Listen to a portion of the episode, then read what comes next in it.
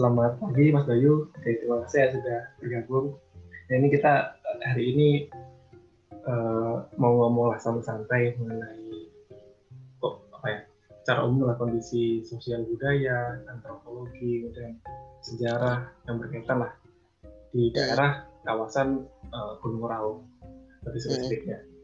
Nah, uh, kebetulan saya ini backgroundnya uh, memang penelitian di Gunung Raung, tapi dari sisi geologinya jadi mungkin Mas Bayu yang sudah ekspor nih di bidang uh, sosial budaya sejarah dan sebagainya, mungkin nanti bisa apa ya, sharing, sharing mengenai pengalaman yang pernah dilakukan riset di daerah sana dan eh, kira-kira apa nih ke depannya yang bisa kita teliti bersama di bidang geologi dan bidangnya Mas Bayu.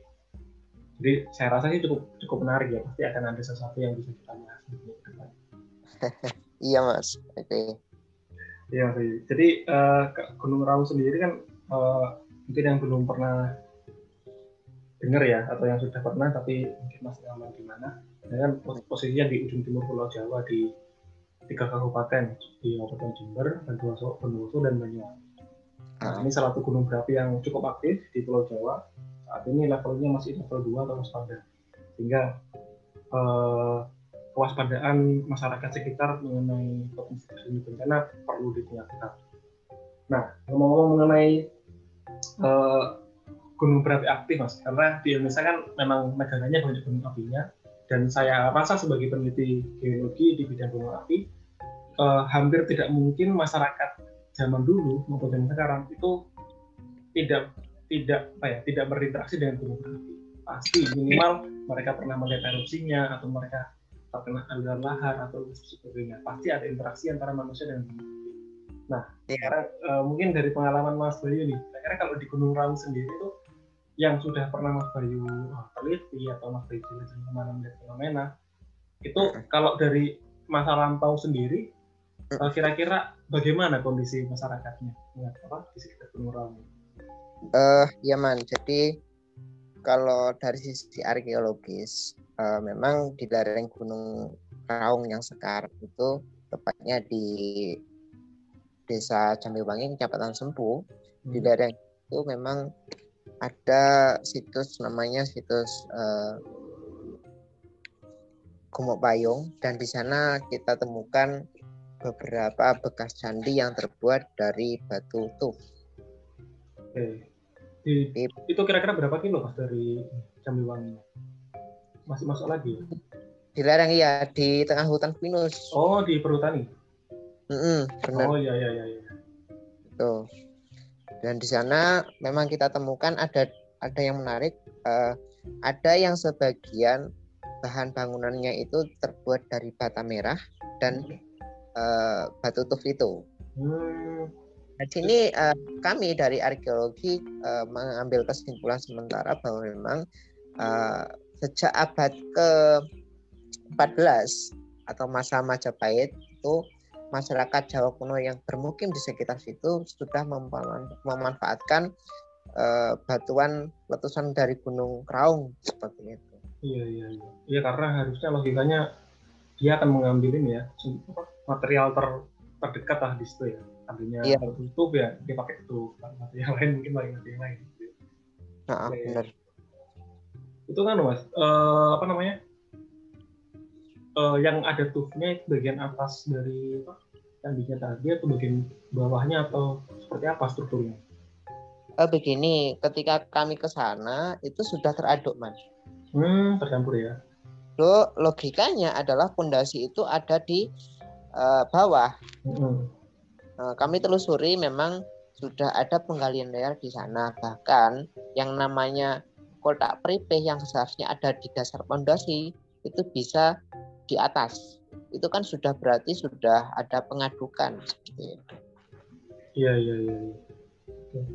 Nah itu kan mas ya, kalau boleh tahu posisi kalau di habis rekonstruksi mungkin atau diinterpretasi, posisi arah candinya itu apakah menghadap ke gunungnya atau ada arah-arah tertentu yang kalau saya uh, perbandingkan dengan uh, candi-candi yang ada di Jawa Timur pada umumnya dan Jawa Tengah itu biasanya setiap candi apa pun dan latar belakang dari latar belakang uh, agama apa pun baik Buddha maupun Hindu itu pasti menghadap ke gunung.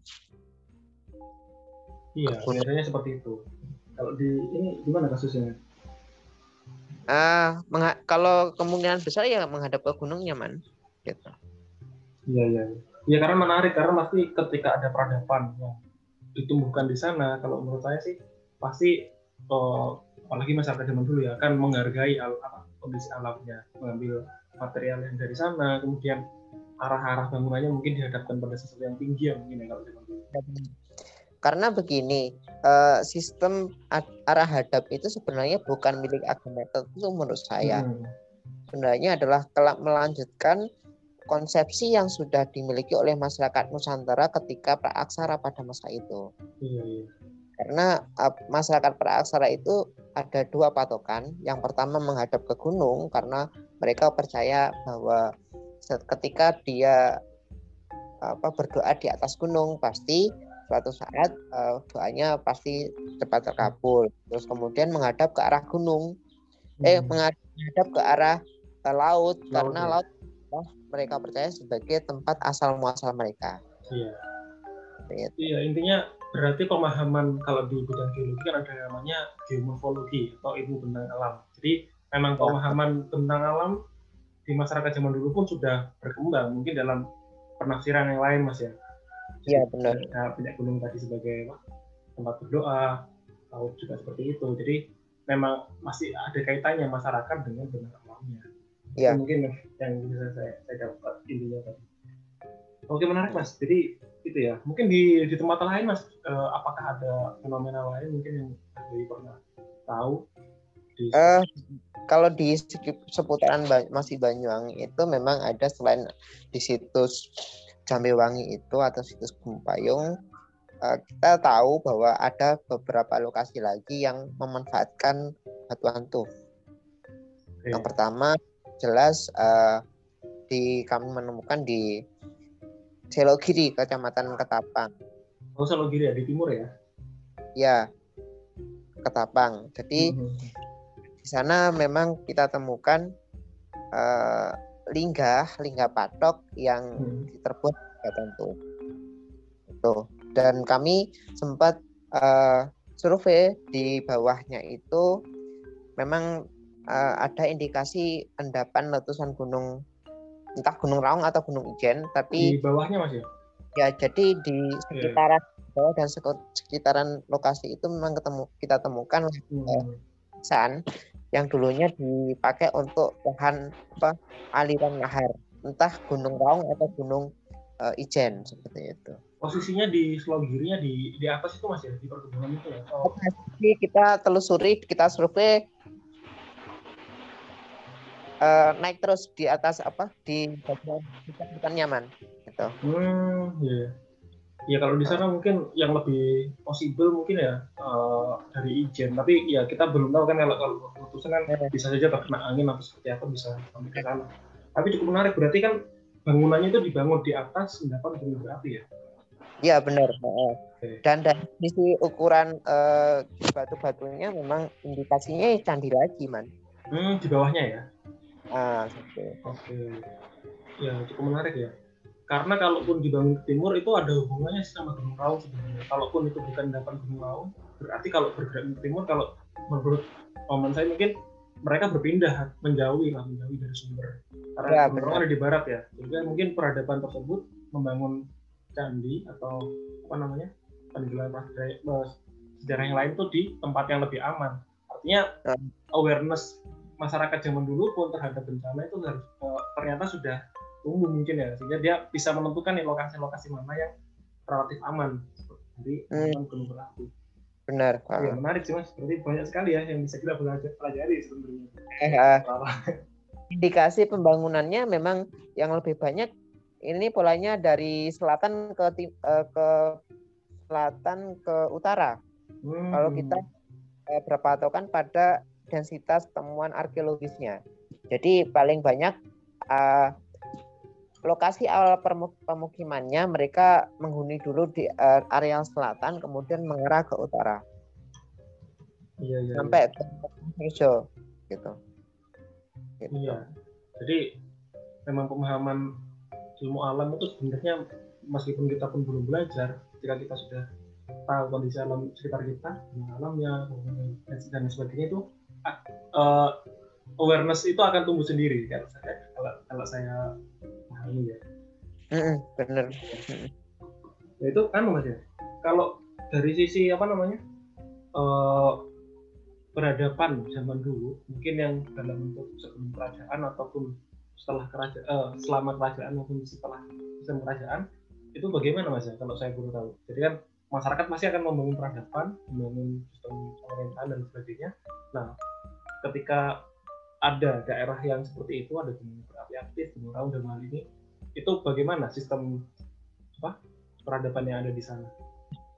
Jadi begini, uh, kalau kita lihat dari uh, kita perbandingkan dulu, uh, ada salah satu candi di Jawa Tengah itu memang uh, terkena imbas dari erupsi gunung salah satu gunung berapi di Jawa Tengah gitu loh. Ya, Situsnya gunung, gunung Merapi ya? Uh, uh, bukan si gunung ini Sindoro. Oh Sindoro di baratnya, ya ya. Uh, di sana pola pemukimannya murni terbuat dari batuan tuh semua. Kemudian memang dekat dengan uh, lereng gunung uh, di di lereng gunungnya, tetapi mereka membangun uh, can, apa bangunan-bangunan yang di sana perpaduan antara batuan tuh dengan bat, uh, boulder batuan kali. Hmm, hmm, iya, iya, iya. Dan uh, anehnya ketika uh, ada letusan mereka selalu aware. Jadi uh, ada tanda-tanda khusus yang akhirnya mereka harus meninggalkan mau tidak mau harus meninggalkan permukaan mereka dan kembali ketika sudah uh, hmm. sudah apa ya selesai. Ya, Ini ya. dalam uh, prasasti Rukam. Hmm. Prasasti Rukam 1907 Masehi di sana ada bahwa diceritakan ketika uh, hilang apa uh, sebuah desa itu hilang dinding guntur atau hilang karena letusan gunung uh, masyarakatnya cari menjauhi uh, pemukiman itu. Kemudian akan kembali setelah uh, reda. Iya. Kalau, kalau kita lihat dari sisi pemukimannya uh, kalau sekarang digembar-gemborkan dengan istilah bangunan tahan gempa. Sebenarnya masyarakat pada masa itu sudah sudah aware seperti itu. Hmm. aware seperti itu. Jadi uh, kita sebenarnya kalah dengan uh, kita seperti itu loh. Iya iya. Iya sih. Jadi kalau saya bayangkan juga harusnya seperti itu. Harusnya kalau misalkan uh, peradaban zaman dulu tidak tidak apa namanya tidak responsif atau tidak adaptif dengan kondisi daerah yang rawan bencana tadi harusnya per, apa kerajaan maupun sistem apa namanya pemerintahan di sana ataupun ya peradaban masyarakat di sana itu tidak akan tidak akan survive ya tidak akan bertahan sampai saat ini sampai sampai masa-masa kita ya. Harusnya ya, nah karena mereka bisa survive berarti mereka bisa ini dulu pengembangan tadi.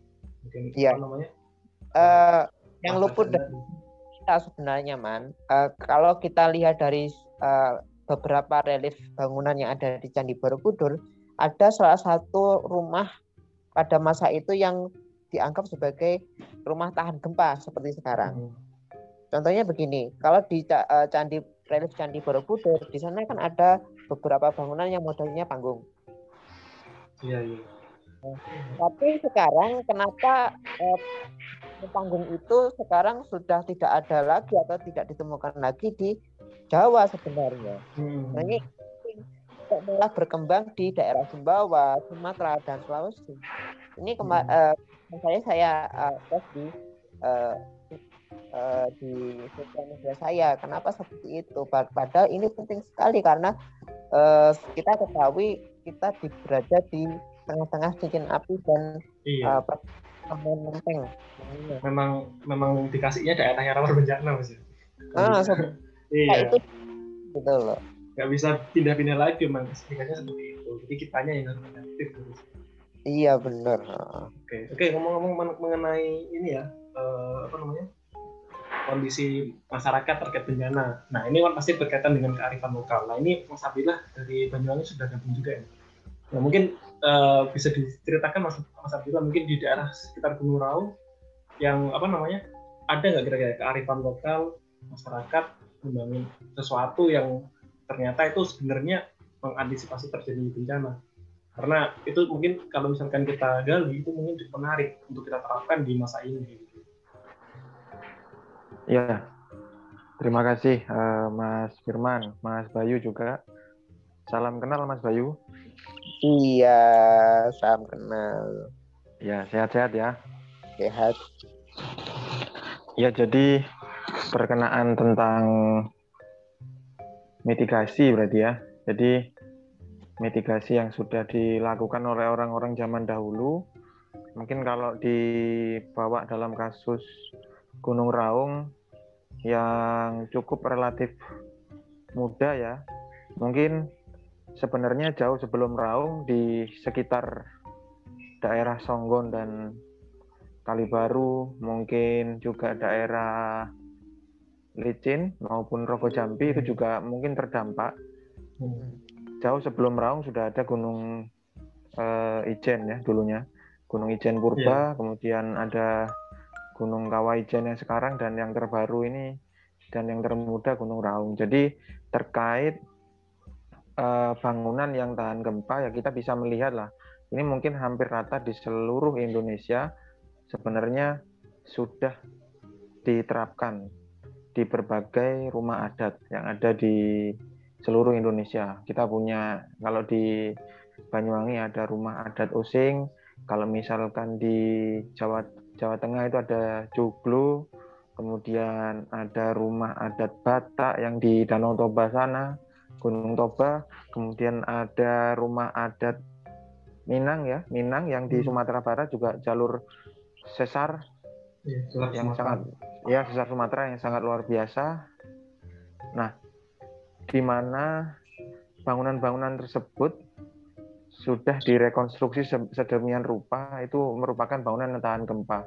Bahwa konstruksi yang dibangun dia menggunakan kayu. Jadi kalau misalkan dalam uh, ini saya dapat literasi dari beberapa teman-teman yang bergiat di kebencanaan bahwa struktur kayu itu jauh lebih tahan dari goncangan. Artinya ketika ada gempa kayu ini tidak mudah pecah maupun patah seperti dengan eh, tembok-tembok kemudian eh, beton yang sudah dibangun dengan sedemikian modern. Jadi hmm.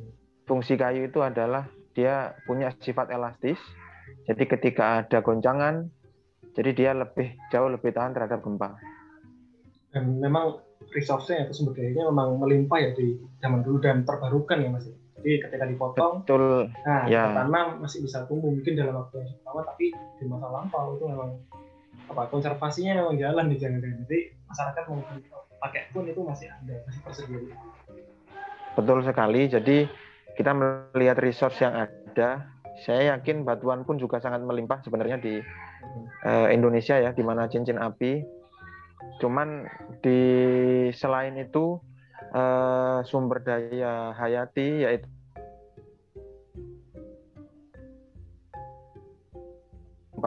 dan berkaitan dengan apa namanya peradaban zaman dulu mungkin uh, tidak semodern sekarang jadi alat potong atau alat menghancur batu itu tidak semudah zaman sekarang jadi orang zaman dulu memanfaatkan apa yang mudah di, dimanfaatkan dan juga bisa untuk uh, apa ya menyelamatkan alam. Artinya ketika dia mengambil batu otomatis mereka sudah ngerti rasanya bahwa batu tidak bisa diciptakan kembali, tapi kalau misalkan kayu di mana sumber dayanya melimpah, kemudian dulu mungkin masyarakat juga nggak sebanyak sekarang, artinya mereka memanfaatkan yang ada, kemudian mereka juga menanam kembali, pembibitan kembali. Nah sehingga eh, dari sana mereka memitigasi baik dari sisi eh, rumah atau pemukiman mereka maupun uh, memitigasi apa yang mungkin terjadi. Artinya dengan cara apa namanya uh, memanfaatkan resource yang bisa diperbarui itu salah satu juga memitigasi bencana lain.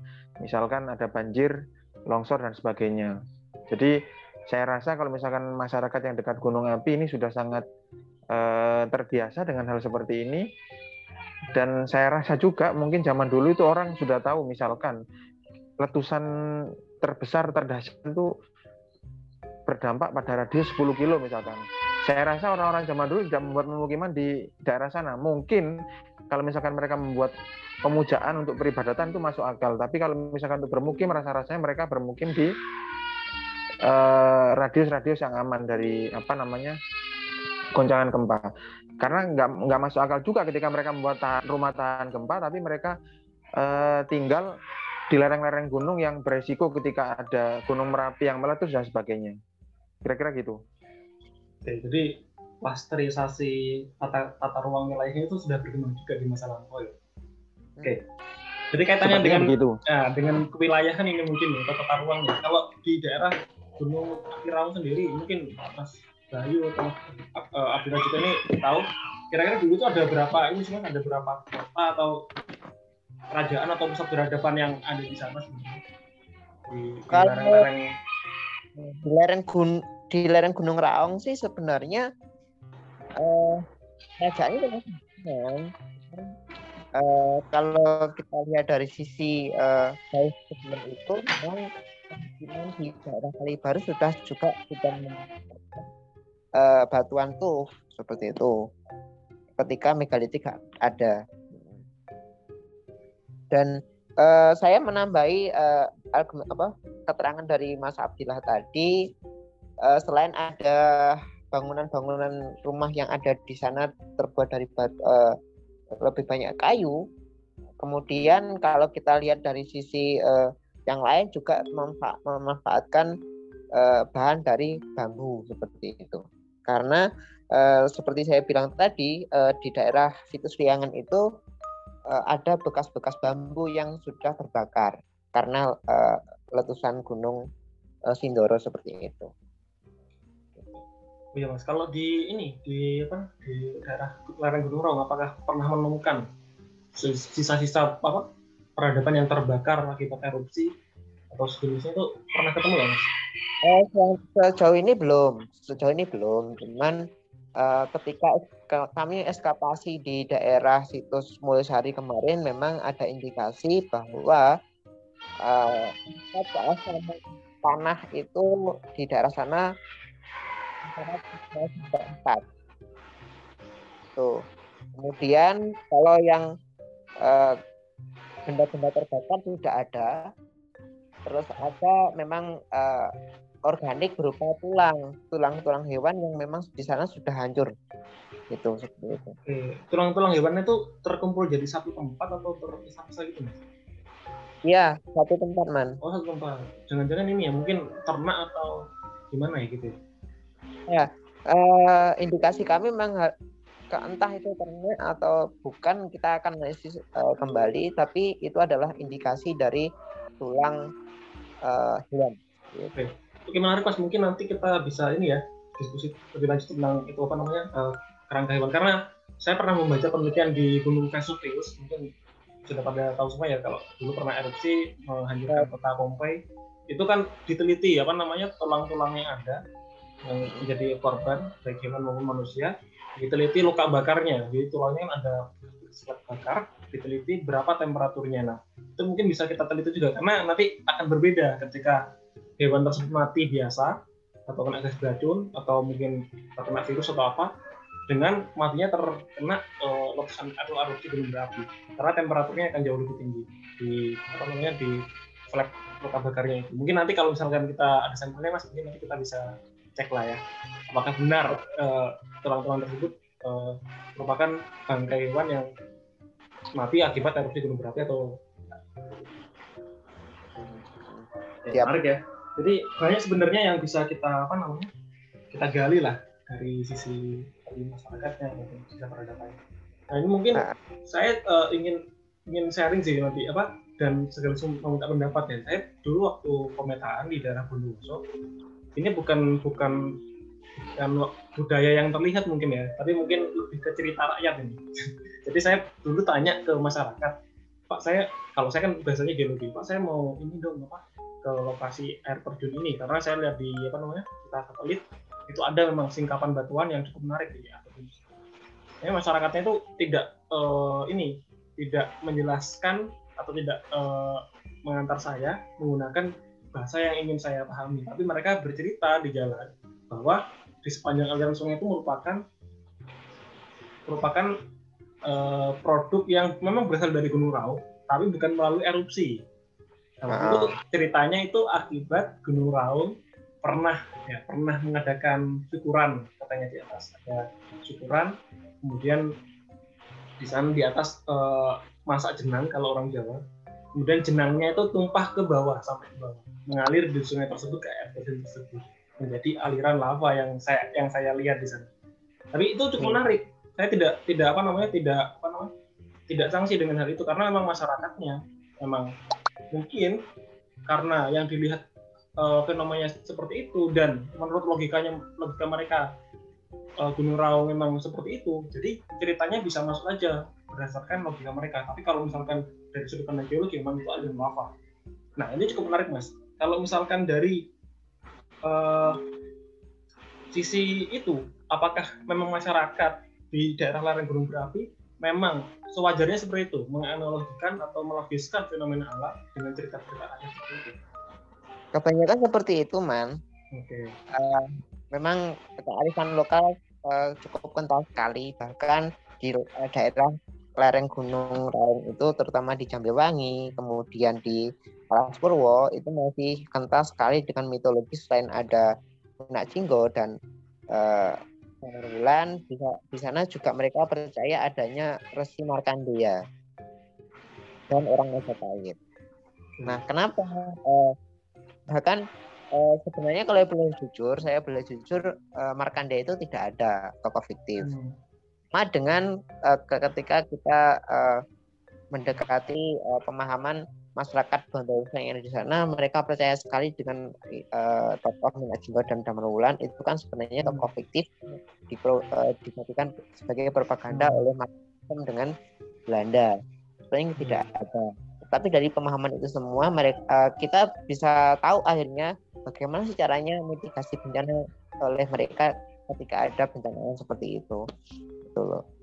Iya, karena uh, ya ini cukup menarik ya. Dengan adanya cerita tadi mungkin dibumbui dengan tokoh-tokoh fiktif yang apa mereka agungkan atau mereka dengungkan itu sehingga masyarakat pun berhati-hati, lebih aware terhadap gunung berapi. Mungkin dulu ada orang yang ingin mendaki harus apa namanya melakukan apa gitu ya atau menghargai tempat-tempat tertentu itu kan sebenarnya tujuannya agar mereka tidak sembrono mungkin ya karena hmm, terjatuh atau terkena erupsinya atau mungkin ketika uh, dibumbui dengan cerita-cerita seperti itu masyarakat pun juga bisa menghargai gunungnya tidak dieksploitasi se apa ya sepuasnya atau uh, ya, seenaknya kayak gitu ya.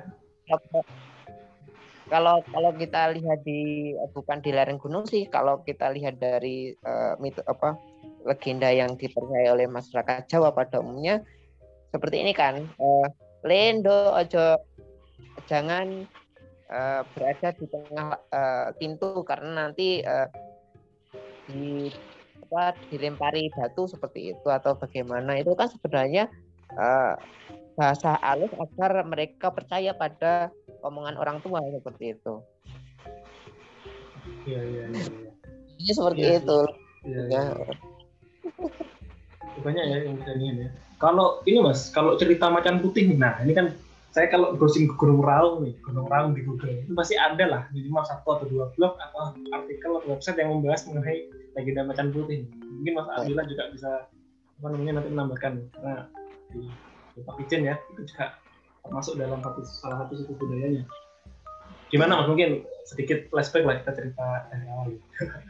Oh iya, jadi uh, kalau kita bicara tentang macan putih uh, yang ada di Kabat itu sebenarnya kalau berdasarkan pemahaman saya sekarang itu sebenarnya julukan saja man. Kenapa e, dikatakan macan putih? Bukan berarti macannya berwarna putih seperti e, yang dipercaya masyarakat sekarang, tapi memang dari sisi bahan bangunannya eh, candi itu memang terbuat dari batuan kapur. Tuh. Kemudian eh, candi itu dibangun bukan abad ke-15, tetapi kalau dilihat dari catatan Belanda itu sebenarnya abad ke-17. Abad ke-17 Mas ya? Antara abad ke-16 atau 17. Kenapa okay. ada simpang siuran tahun seperti itu sampai sekarang kami dari arkeologi belum menemukan uh, yang dikeluarkan oleh Prabu Tawangalun itu. Itu yang pertama. Yang kedua, uh, selama ini Prabu Tawangalun itu hanya diceritakan melalui catatan-catatan Belanda yang kemungkinan ada uh, makna bias dari sisi uh, pencatatnya agar uh, deskripsinya uh, tidak jelas seperti itu. Itu yang kedua. Yang ketiga, uh, apakah benar uh, ada indikasi temuan uh, aktivitas uh, letusan gunung memang ada. Kalau atau kalau kita lihat laporannya teman-teman UGM pada tahun 2012 yang lalu memang ada endapan uh, letus endapan abu vulkanik setebal 10 cm ketika bagian khusus atau eskavasi. Nah, menariknya bukan terdampaknya yang kita lihat sebenarnya uh, ternyata pemukiman Macan Putih yang ada di sana itu dibangun pasca erupsi Gunung Taung katanya. Nah itu lagi saya masih mempertanyakan itu apakah uh, memang benar endapan Gunung Raung uh, atau endapan yang ijen. Dari sisi itu kemudian saya juga mempertanyakan uh, waktunya seperti apa karena sampai detik ini saya masih per, uh, masih mendapat informasi yang baik pokoknya warnanya abu-abu apakah abu-abu itu uh, butirannya besar atau kecil apa kecil-kecil saya masih belum uh, bisa memastikan karena barang buktinya masih ada di laboratorium UGM sana teman-teman. Oke, okay. mungkin uh, kalau dari ini Mas Mas Abdillah mungkin ya dari ya pengelolaan ataupun apa namanya oh, cerita yang yang di yang dikembangkan nanti untuk apa namanya situs tersebut itu bagaimana mas? Ya gimana? Ya untuk untuk legenda Bacan Putih kan ada situsnya. Nah ini nanti okay. pengelolaannya atau cerita yang akan dipakamkan atau di apa ya di di apa namanya diceritakan lagi lebih banyak itu bagaimana?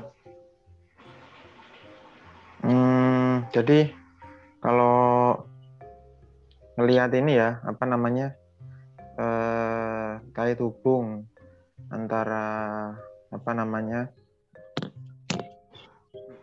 peradaban yang ada peradaban manusia dikaitkan dengan apa namanya peristiwa geologi kemudian bukti-bukti sejarah penelitian dan sebagainya. Jadi memang eh, ke depannya harapannya sih dari penelitian-penelitian yang sudah dilakukan dan sedang akan dilakukan ini kalau nggak salah Mas Bayu dengan IAIN Jember ya.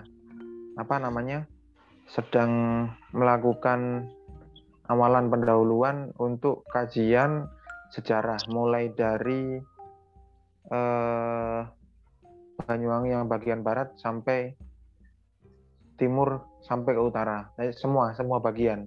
Nah, di sini perlu eh, apa namanya eh, intervensi dari sisi geologi bahwa peradaban-peradaban yang ada itu sangat berkaitan dengan eh, adanya peristiwa geologi, baik itu munculnya maupun hancurnya. Jadi kalau misalkan hancurnya mungkin juga disertai dengan erupsi gunung dan sebagainya. Uh, artinya uh, ke depannya harapannya kalau kita ngomong macan putih itu juga pernah dimention di mana di webnya PVMBG kalau nggak salah di tahun 1590 sekian pernah terlihat ada kerajaan macan putih yang dipimpin oleh Prabu Tawang Tawang Ulun nulisnya bukan Tawang Alun. Kemudian ya ya ngomongnya tapi Tawang Ulun di situ di apa orang Belanda ngomongnya gitu. Uh, artinya dikaitkan dengan ada letusan gunung, Gunung Raung waktu itu. Jadi ke depannya sih harapannya memang harus komprehensif. Jadi ceritanya tidak terpisah-pisah bahwa oh ada kejadian ini, oh akhirnya seperti ini. Oh ada kejadian ini, oh muncul seperti ini. Jadi itu sangat penting karena semua sama berkaitan. Baik dia munculnya maupun iya. dia hancurnya. Mungkin itu Mas Firman. Sudah ke arah sana? Iya, iya, iya. Menarik ya. Karena Jadi, kalau saya sendiri cerita-cerita sebagai apa namanya uh, orang geologi nih, bahkan saya sempat ini ya sempat berimajinasi nih. Jangan-jangan macan putih itu sebenarnya aliran teloplastik tuh. Kan sama kan seperti apa namanya? Uh, apa namanya? harimau atau macan yang turun dari puncak gunung ke bawah warnanya putih itu imajinasi nah. imajinasi saya tapi ini ya. seperti itu uh, jadi sebenarnya itu hanya kiasan aja sebenarnya man itu nah, iya jadi kan bisa saja ternyata uh, analogi-analogi tadi dari ahli biologi, ahli budaya, nanti ahli sejarah itu ketika duduk bareng mungkin bisa ketemu nih. Jangan-jangan kesimpulan sebenarnya itu seperti ini berdasarkan fenomena alamnya seperti ini. Dan menarik mas. Nanti ke depannya mungkin bisa dikatakan ya kayak ya yang kayak wedus gembel di Merapi itu lah man. Nah itu pun kan wedus gembel kan hewan kan ya. Jadi oh, jangan oh. macan putih itu juga kiasan gitu ya kiasan ya plastik. Uh -uh. menarik gitu. Karena di naskah Belanda yang pernah saya baca juga dicatatkan memang ada erupsi besar tadi yang disebutkan Mas di akhir abad ke 16 memang ada. Bahkan itu dicatatkan bahwa letusan tersebut itu digunakan oleh uh, Belanda, eh Belanda di waktu itu masih Portugis, Portugis untuk bersandar di pelabuhan waktu itu di Buncak, di Belambangan, di Buncak. Jadi sebagai pertanda, sebagai pengganti mercusuar. Di situ ada daratan, tahunya dari mana? Dari erupsi Gunung Raung tadi. Bersandar di uh, yang saya baca ya. Jadi memang tercatat di dalam sejarah uh, masa lampau kayak gitu. Ya. Jadi itu bener lah itu kiasan-kiasan yang di apa namanya yang dibikin oleh orang-orang zaman dulu lah. Siapa tadi Bayu ngomong ada dus gembel, mungkin apa namanya? Ya intinya orang-orang zaman dulu itu menamai dengan kearifan lokal. Kayak nama-nama batuan juga ada namanya parang ireng dan sebagainya itu juga pasti ada fenomena yang ada waktu itu terjadi. Nah ini fungsinya kita perlunya apa namanya? untuk duduk bareng di sana. Artinya persepsi ini biar sama. Jadi tidak terpisah-pisah. Yang satu ngurusi sejarah, yang satu ngurusi geologi, yang satu ngurusi sosial masyarakat. Nah, itu harus duduk bareng bahwa merumuskan kesepakatan bersama bahwa bahwa ini ada hal yang apa lebih penting. Ketika kita menjadi satu satu cerita yang utuh ceritanya malah bisa ke mana-mana. Tapi kalau misalkan semua berdiri sendiri-sendiri ya ceritanya sepenggal sepenggal jadi kalau ngomong sejarah sejarah. Ngomong geologi padahal semua berkaitan oke jadi cukup menarik ya jadi memang harusnya di tempat yang sama kan tempatnya nggak berubah-ubah ya di satu tempat yang sama kondisi bentang alamnya sama nah, cuma masyarakatnya yang berubah berubah secara jumlah secara pemikiran secara apa namanya peradaban Nah, nantinya mungkin memang akan, akan lahir beberapa interpretasi yang berbeda-beda, tapi tempatnya sama, harusnya ceritanya sama. Jadi uh, terima kasih nih Mas Bayu dan Bila sudah ini ya sudah berdiskusi. Nanti mungkin ke depannya kita akan sambung lagi diskusi yang lebih intens, mungkin mengundang teman-teman yang lain juga, karena ini ya pasti akan ada satu hal yang fix karena ya seperti kita ya saat ini di peradaban modern mungkin di tanggal jam waktu yang sama itu kejadiannya satu nggak akan ada dua kejadian nggak akan ada dua realita pasti ada satu kejadian. Itu juga yeah. di, di zaman lalu. Erupsi gunung berapi juga sama kalau yang saya pelajari ya kalau erupsinya seperti itu ya hanya ada itu versinya. Tidak akan ada yang laporan yang lain misalkan ceritanya. Jadi proses geologi itu ya satu itu dan terus berlangsung. Dari zaman dulu sebelum ada manusia sampai saat ini pun terus berlangsung. Nah manusia ini yang tinggal menyesuaikan ya jadi menarik ini yang bisa saya simpulkan sih. Uh, banyak sekali yang bisa kita dapatkan di uh, sekitar Gunung Raung, baik dari sisi geologinya, mungkin sudah sering saya bahas. Nah, dari sisi yang lain, dari sisi apa namanya, sosial budaya masyarakat dan sejarahnya itu ternyata banyak sekali yang bisa kita ambil karena memang tidak bisa dipisahkan antara masyarakat dan alamnya seperti ya dari zaman dulu hingga sekarang. Jadi yang bisa kita uh, pelajari ya kalau orang zaman dulu saja bisa menghargai alam, harusnya kita sebagai generasi penerusnya harusnya meneruskan warisan tersebut warisan pendidikan alam. Bukan berarti kita takut atau merusaknya, tapi kita harus beradaptasi. Ya, tetap kita membutuhkan alam, kita tetap sumber alamnya, tapi alam tersebut juga harus kita uh, jaga seperti ya kira-kira ya. Oke, terima kasih uh, Mas ya, Bali dan dan Mas Abdullah. Uh, semoga ilmunya bermanfaat. Oke, mungkin uh, untuk podcast kali ini saya akhiri ya. Selamat siang. Siang, siang. Siang, terima kasih.